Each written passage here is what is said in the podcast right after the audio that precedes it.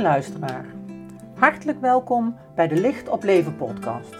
Leuk dat je luistert naar mijn podcast, waarin ik elke aflevering bijzondere en waardevolle inzichten deel over hoe we op allerlei manieren licht in de wereld kunnen brengen. In het groot en in het klein. Wanneer jij, net als ik, op zoek bent naar allerlei mogelijkheden om dit te doen, dan ga ik je zeker inspireren. Door licht in de wereld te brengen, komen we steeds dichter bij onszelf om te worden wie we werkelijk zijn. Laten we het licht doorgeven, ook in deze nieuwe aflevering.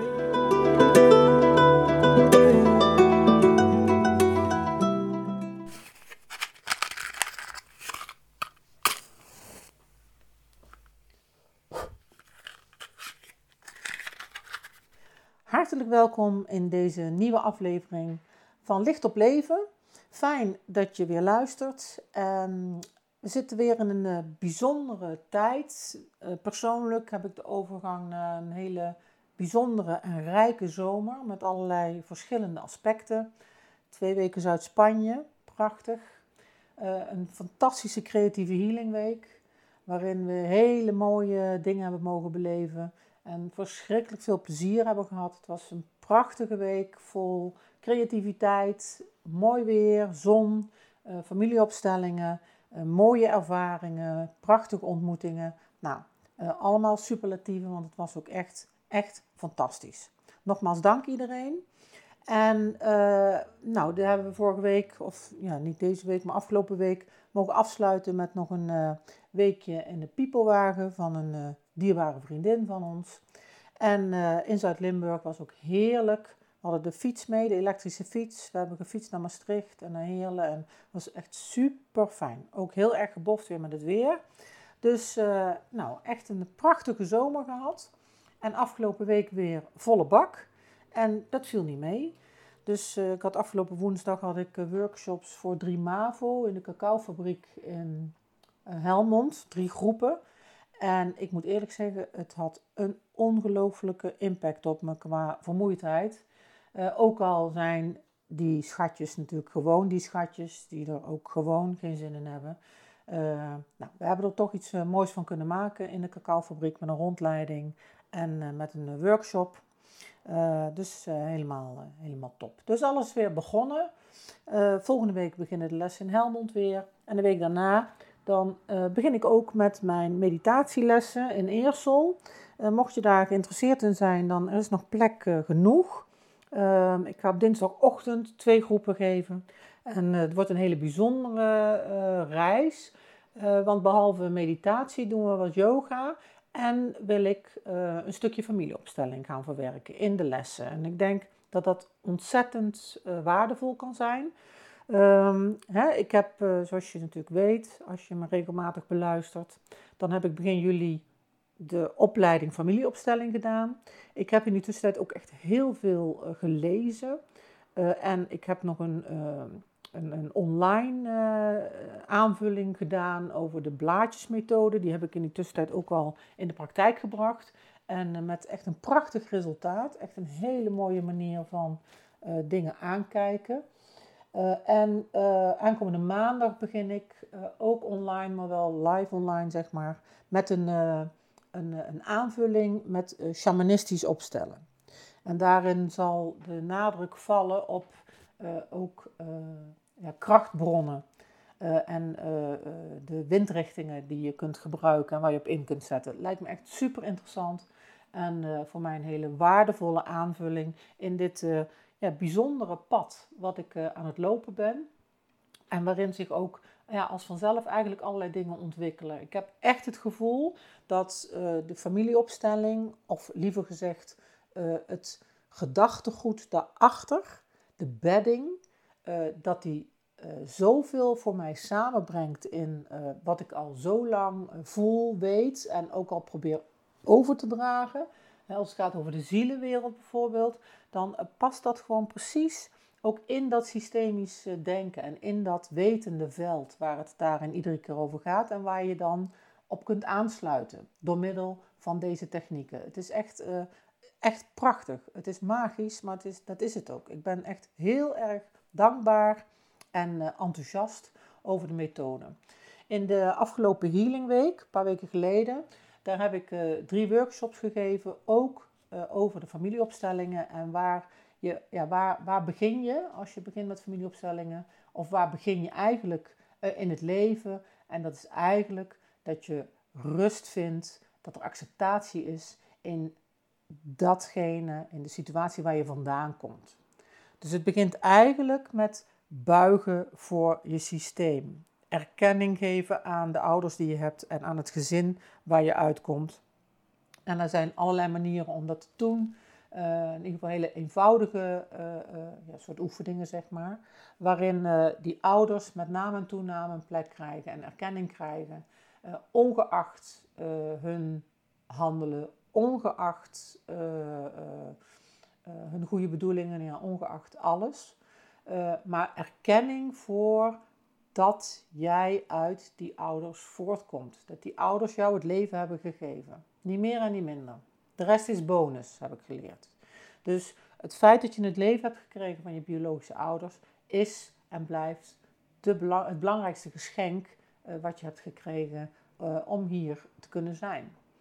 Uh, daarnaast kom je natuurlijk in de context van eventuele broers en zussen, stiefbroers en zussen of halfbroers en zussen, ook broers en zusjes die je niet hebt gekend, of die overleden zijn inmiddels, of die bij de geboorte zijn overleden, of daarvoor al. En ook die doen volwaardig mee in het systeem. En door erkenning te geven aan jouw context, voor zover die aan jou bekend is natuurlijk, geef je erkenning aan jou en aan het leven. En daarvoor buigen, daar ja tegen zeggen, daar gaat het over. Dus deze aflevering gaat eigenlijk over ja zeggen, over buigen.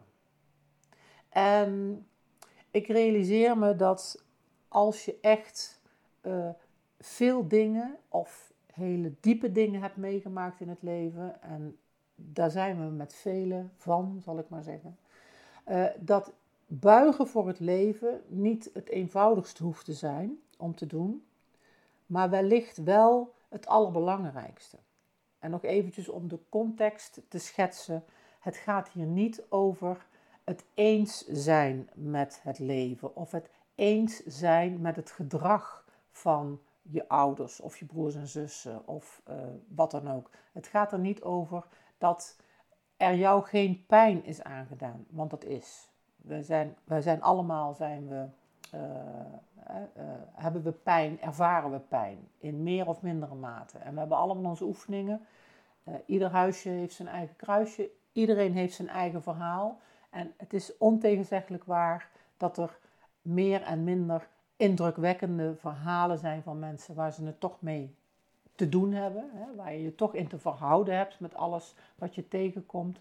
Maar uiteindelijk gaat het toch over ja, meebewegen. Hè. Je hebt in de yoga die oefening als een rietstengel zijn, dat je eigenlijk meebeweegt met de stroom.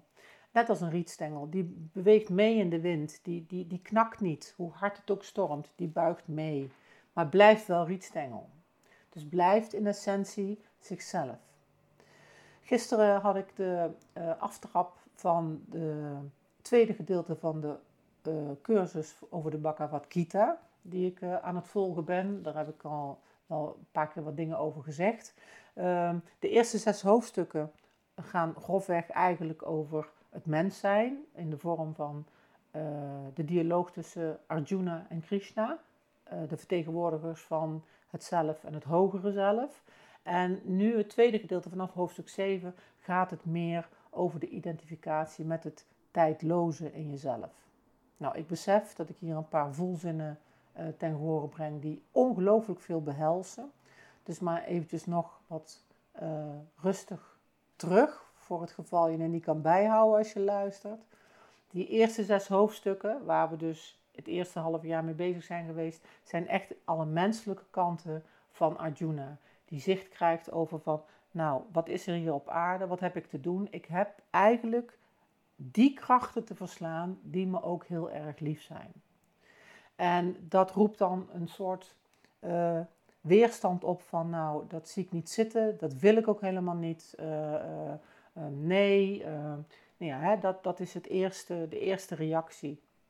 En dan gaat het over Eh, maar oké, en, hoe ziet dat er dan precies uit? En wat moet ik daarvoor doen? En wat heb ik daarvoor nodig? En dan uh, kom je in de Bhagavad Gita uit op het onthechten, op het uh, je zintuigen beheersen en intrekken. Allemaal niet de meest uh, makkelijke dingen per se, maar wel belangrijke dingen om je bewust van te zijn of te worden. Ik ben altijd zo blij dat ik het niet allemaal hoef te kunnen, maar dat uh, dat, dat een groeiproces is. Dat dat oké is, weet je. Net als met mediteren. Eh, bij mediteren hoef je niet gedachteloos te zijn, weet je. Dat, dat is het niet. Het zit hem in het steeds maar weer contact maken met de ruimte tussen de gedachten. Dus uh, ook zo bij het, de Bhagavad Gita. En uiteindelijk gaat het dan in het laatste stuk, hoofdstuk 5 en 6, gaat het eigenlijk over de overgang tussen de erkenning van de dingen die tijdelijk zijn, waaronder natuurlijk onze zintuigen en ons lichaam, en het tijdloze wat we allemaal in ons hebben, oftewel de identificatie met de ziel. En dan blijkt dus dat je een keuze hebt daar. En je weet, hè, ik, ik ben uh, groot fan van mijn, onze grote vriendin Edith Eker, die zegt: er is altijd een keuze. Maar ook hier is altijd de keuze die je kunt maken. En ik vind het geen gemakkelijke. Dat de, die, die, die, weet je, die zintuigen die de, om er maar één te, willen, één te noemen, uh, hè, te willen eten. Ik ben echt een, best wel een Bourgondier. Dus weet je, een, wijntje en, en, en, lekker eten vind ik echt heerlijk. dus als, je, als ik daar mee geconfronteerd word om daar anders mee om te gaan, dan is dat best een ding. Ehm, maar toch heeft het me geholpen en gaat het me ook verder helpen om me wel steeds meer bewust te worden van dat tijdloze stuk in mij uh, wat door meer aandacht en bewustzijn te krijgen, zich als vanzelf eigenlijk uitspreidt. Zo werkt dat natuurlijk met bewustzijn. Zo werkt het ook met energie. Alles wat je aandacht geeft, wordt groter. Dus naarmate ik me daar toch mee, meer mee identificeer, meer bij stilsta misschien wel, meer nog. Het zit er niet zozeer in dat ik er van alles voor doe, ook niet voor laat, maar meer dat ik het besef in mezelf wakker roep. Het besef van uh, ik heb de keuze om me te identificeren met uh, uh, dat, dat, dat, dat altijd durende in mij. Dat, dat bewustzijn, zoals ik dat noem. Of de ziel, of nou ja, er zijn allerlei woorden voor. Um, en dat blijft een uitdaging en dat, dat moet het ook zijn, denk ik. dus het is zo, ik vind het, het, doet me zo goed om daarmee bezig te zijn, om daarin te groeien en daarin perspectief te veroveren. Uh, en wat me daarin ook altijd heel erg goed doet en waar ik heel dankbaar en blij van word, is als ik dat mag doorgeven. Dus ook weer in deze podcast hoop ik dat ik je daarmee waardevolle inzichten en waardevolle dingen kan doorgeven. Dus nou ja, dat even over die Bhagavad Gita. Daar kom ik nog wel op terug, want ik ga daar weer mee verder de komende maanden. Dus dat zal zeker zijn weerslag hebben.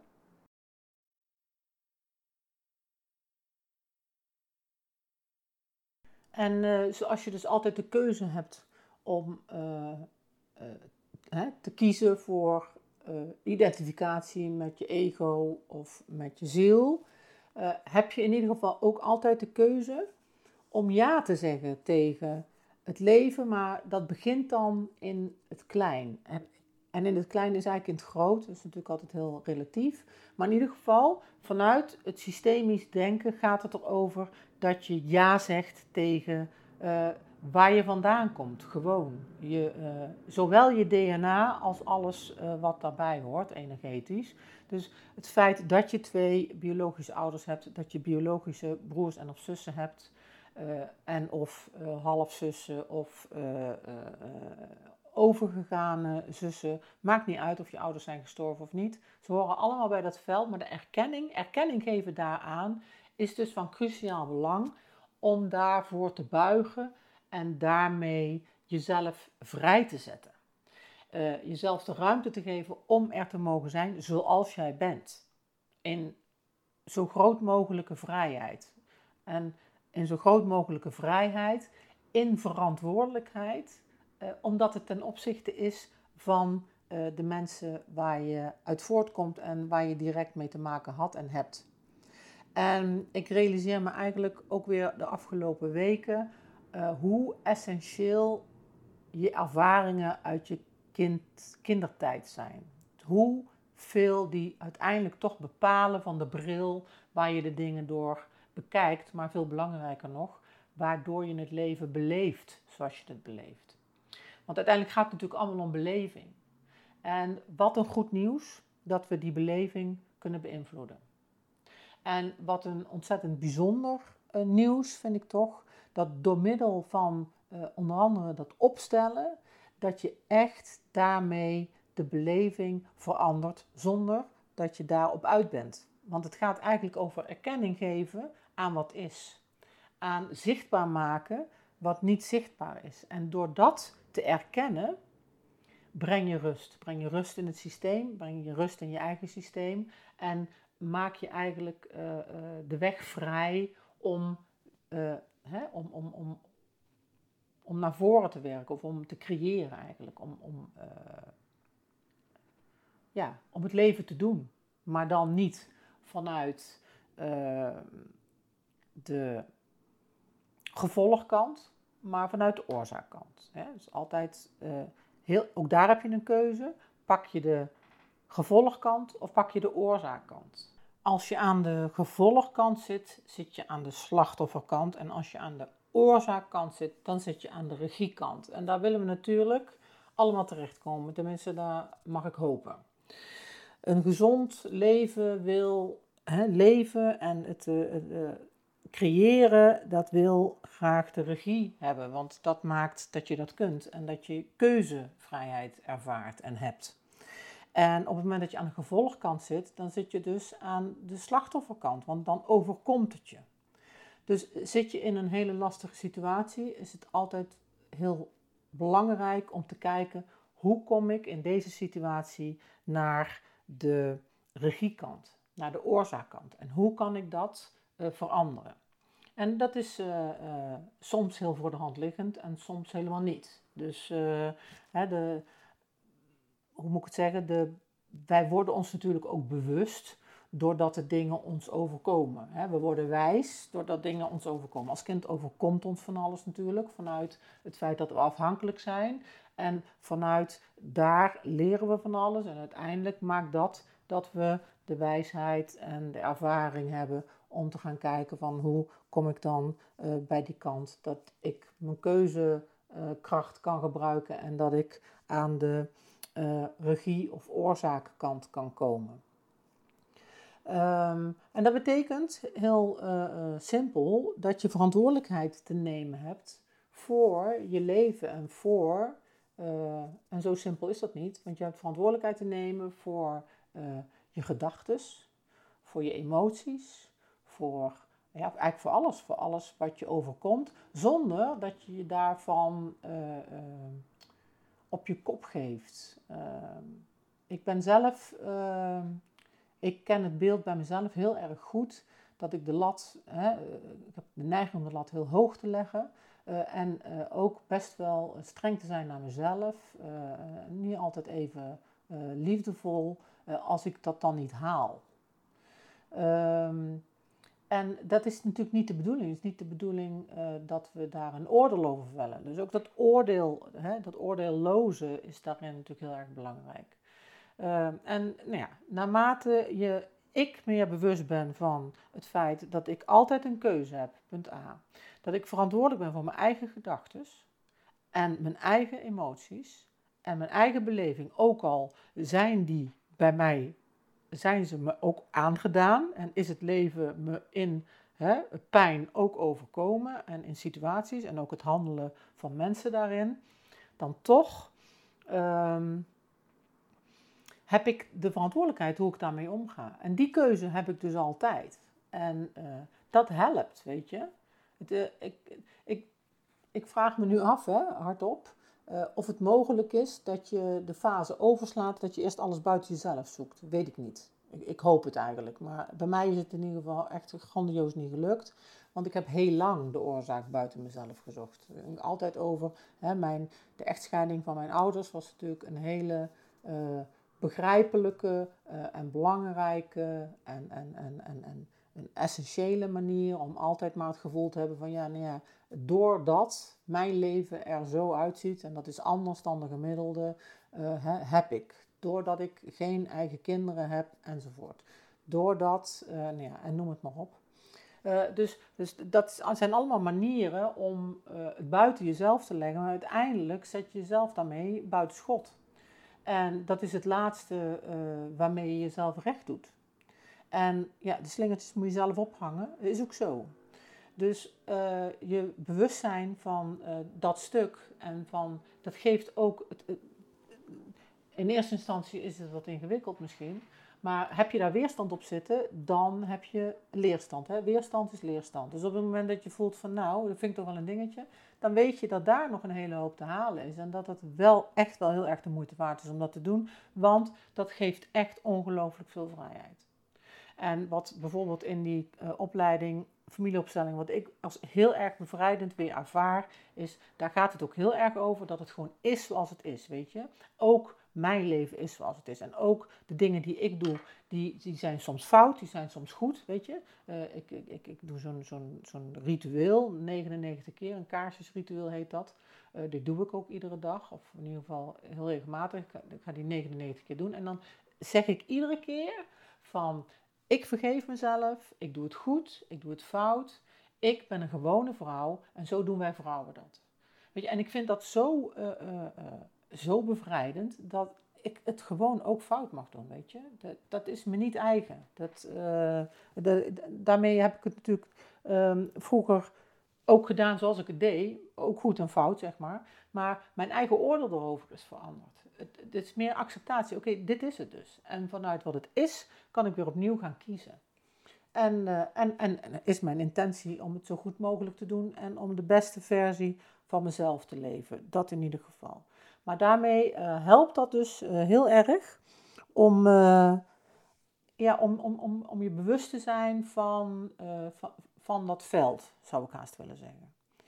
En um, ja, naar aanleiding van de, ja, alles wat ik nu weer gelezen heb en, en, en gedaan heb in die opleiding, wat ik weer ervaren heb tijdens de Healing Week, was voor mij natuurlijk een heel belangrijk materiaal, tussen aanhalingstekens, uh, om uh, mijn eigen functioneren daarin ook te zien, hoe ik omga met het opstellen en met groepjes. En we waren met een groep van 18 mensen, dus dat was best wel behoorlijk. Um, maar ik heb daar gelukkig heel veel vertrouwen uit, uit geput. En heb ook heel veel mooie reacties mogen delen met mensen en teruggekregen daarover. En ik, nou, ik weet nog niet hoe ik dat wil gaan doen, maar ik zou er bijna een challenge van willen maken om zoveel mogelijk mensen in de erkenning te krijgen voor hun eigen systeem. Want daar begint het. En uh, als we daar met z'n allen zouden beginnen, dan zouden we al een hele sprong maken. En nogmaals, het gaat er dus niet over dat als jij incestslachtoffer bent of uh, uh, weet je, er, is sprake van moord in het gezin, of er is sprake van verraad, er is sprake van misdaad, criminaliteit. Het gaat niet over goedkeuring of afkeuring van gedrag. Daar gaat het dus niet over. Maar het gaat erover dat op het moment dat je de energie hebt vrijgezet, jij veel meer in staat bent om je eigen keuzes te maken. En het is natuurlijk niet voor niks dat uh, dader-slachtoffer gedrag hè, in de psychologie gekoppeld wordt. Hè. Dus uh, daar is het zo, uh, en dat blijkt ook zo te zijn, dat um, slachtoffers potentiële daders zijn. En dat heeft alles te maken met die loyaliteit aan het systeem. Dus zo doen wij dat. Zo heb ik dat geleerd. Zo doen wij dat thuis. Of zo doen wij dat al generaties lang. Want er is eigenlijk, zonder dat wij dat zien en weten, sprake bijna altijd. Nee, volgens mij altijd van doorgegeven gedrag in de generaties.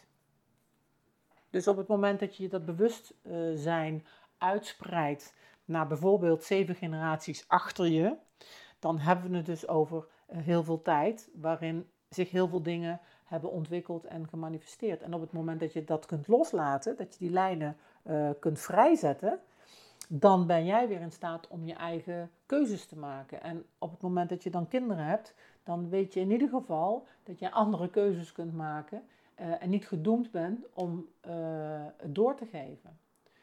Want ergens moeten we een manier vinden om het te kunnen doorbreken. En alleen maar dat willen doorbreken, dat blijkt dus niet genoeg te zijn. Je, als je er bewust van bent van ik wil dit anders doen dan mijn ouder, dan moet je je verrekt bewust zijn om dat ook werkelijk anders in te zetten. Want heel vaak uh, leunt dat aan tegen onze blinde vlekken. En we weten heel goed, denk ik, als mens wat we niet willen. We weten heel goed wat we niet willen doorgeven, wat we niet willen uitstralen. Uh, maar dat is niet hetzelfde als dat we weten uh, hoe we dat wel willen doen.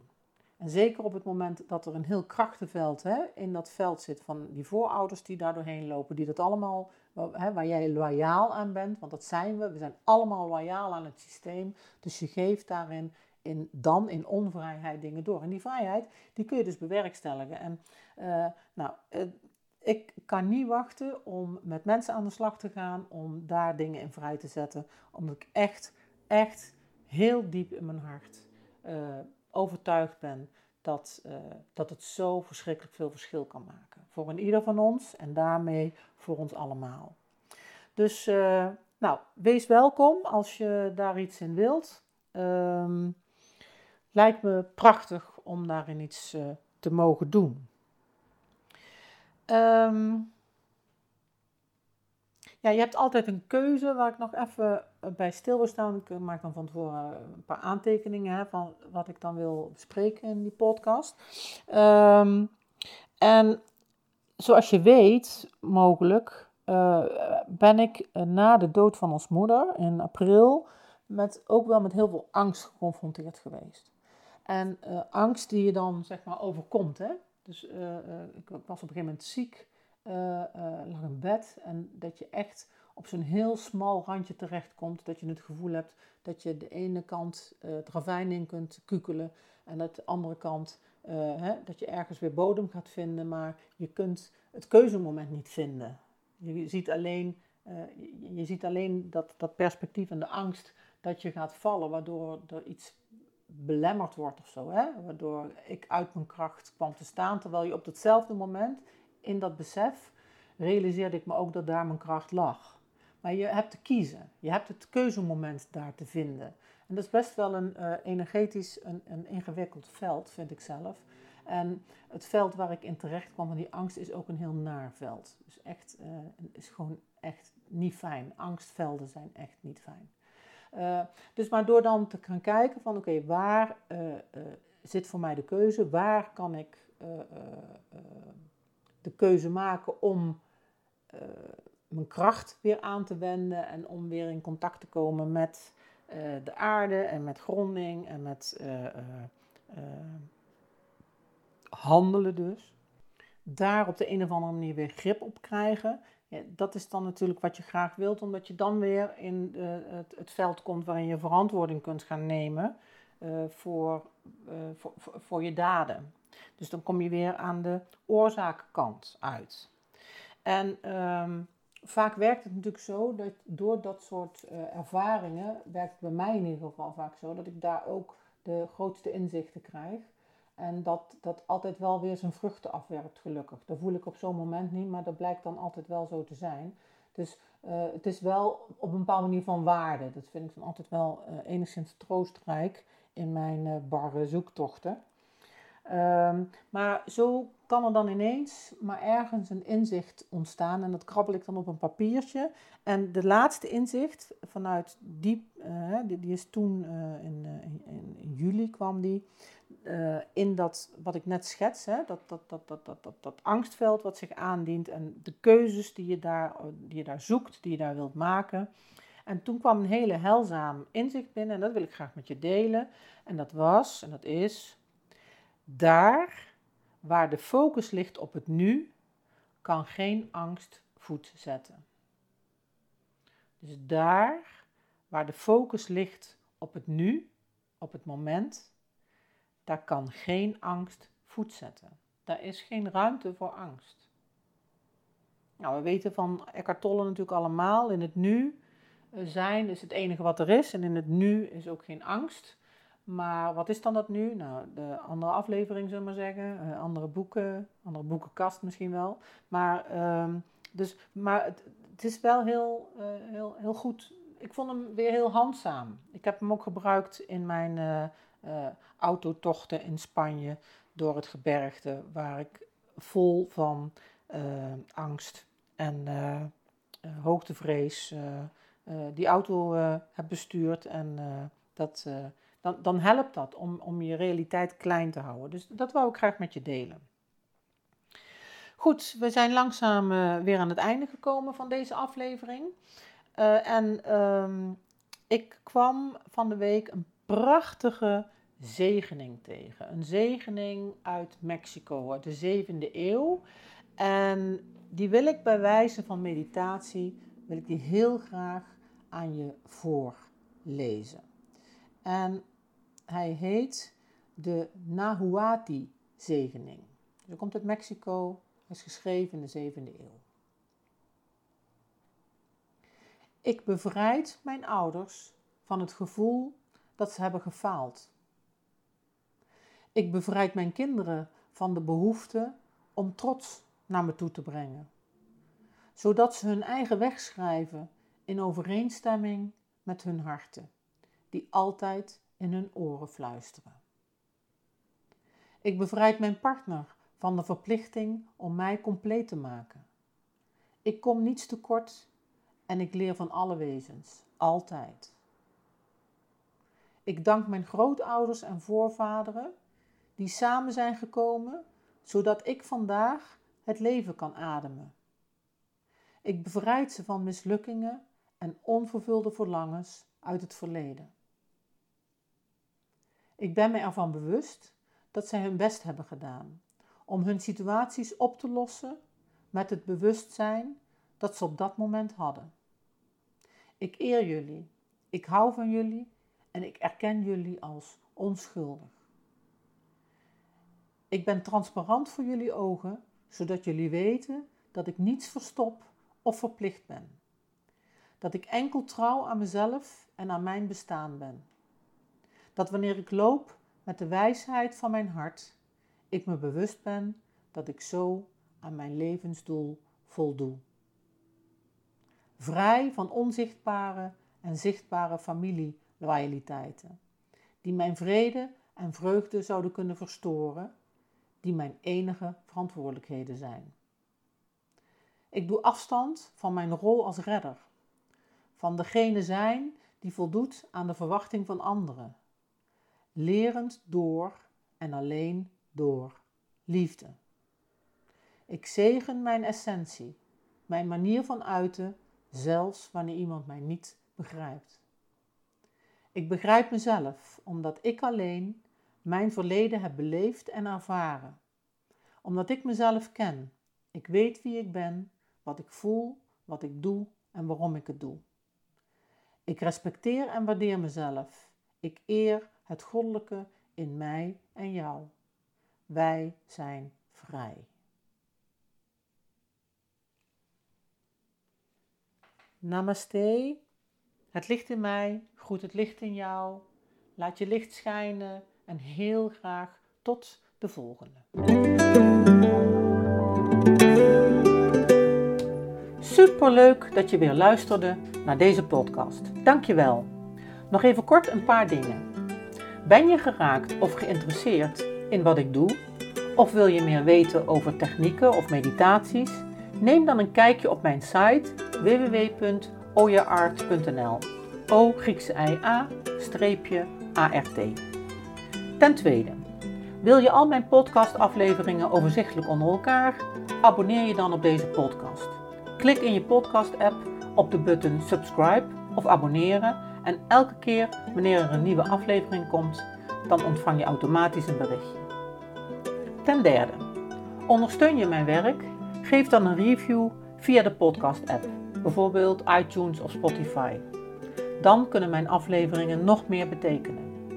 Naar iemand doorsturen via het kopiëren van een linkje via Spotify bijvoorbeeld mag natuurlijk ook altijd. Ik vind het altijd heel erg leuk om berichtjes te ontvangen om te horen of je iets hebt gehad aan een inzicht. En natuurlijk ook om te horen hoe jij creatief bent met licht. Wie weet hoor je het terug in de volgende aflevering. Laat het me weten via de mail op de site www.oyeart.nl. Je kunt me ook heel gemakkelijk googlen onder Carla van Olst en dan Carla met een C. Voor nu, heel erg bedankt voor het luisteren. Alle goeds, geef het licht door en tot de volgende.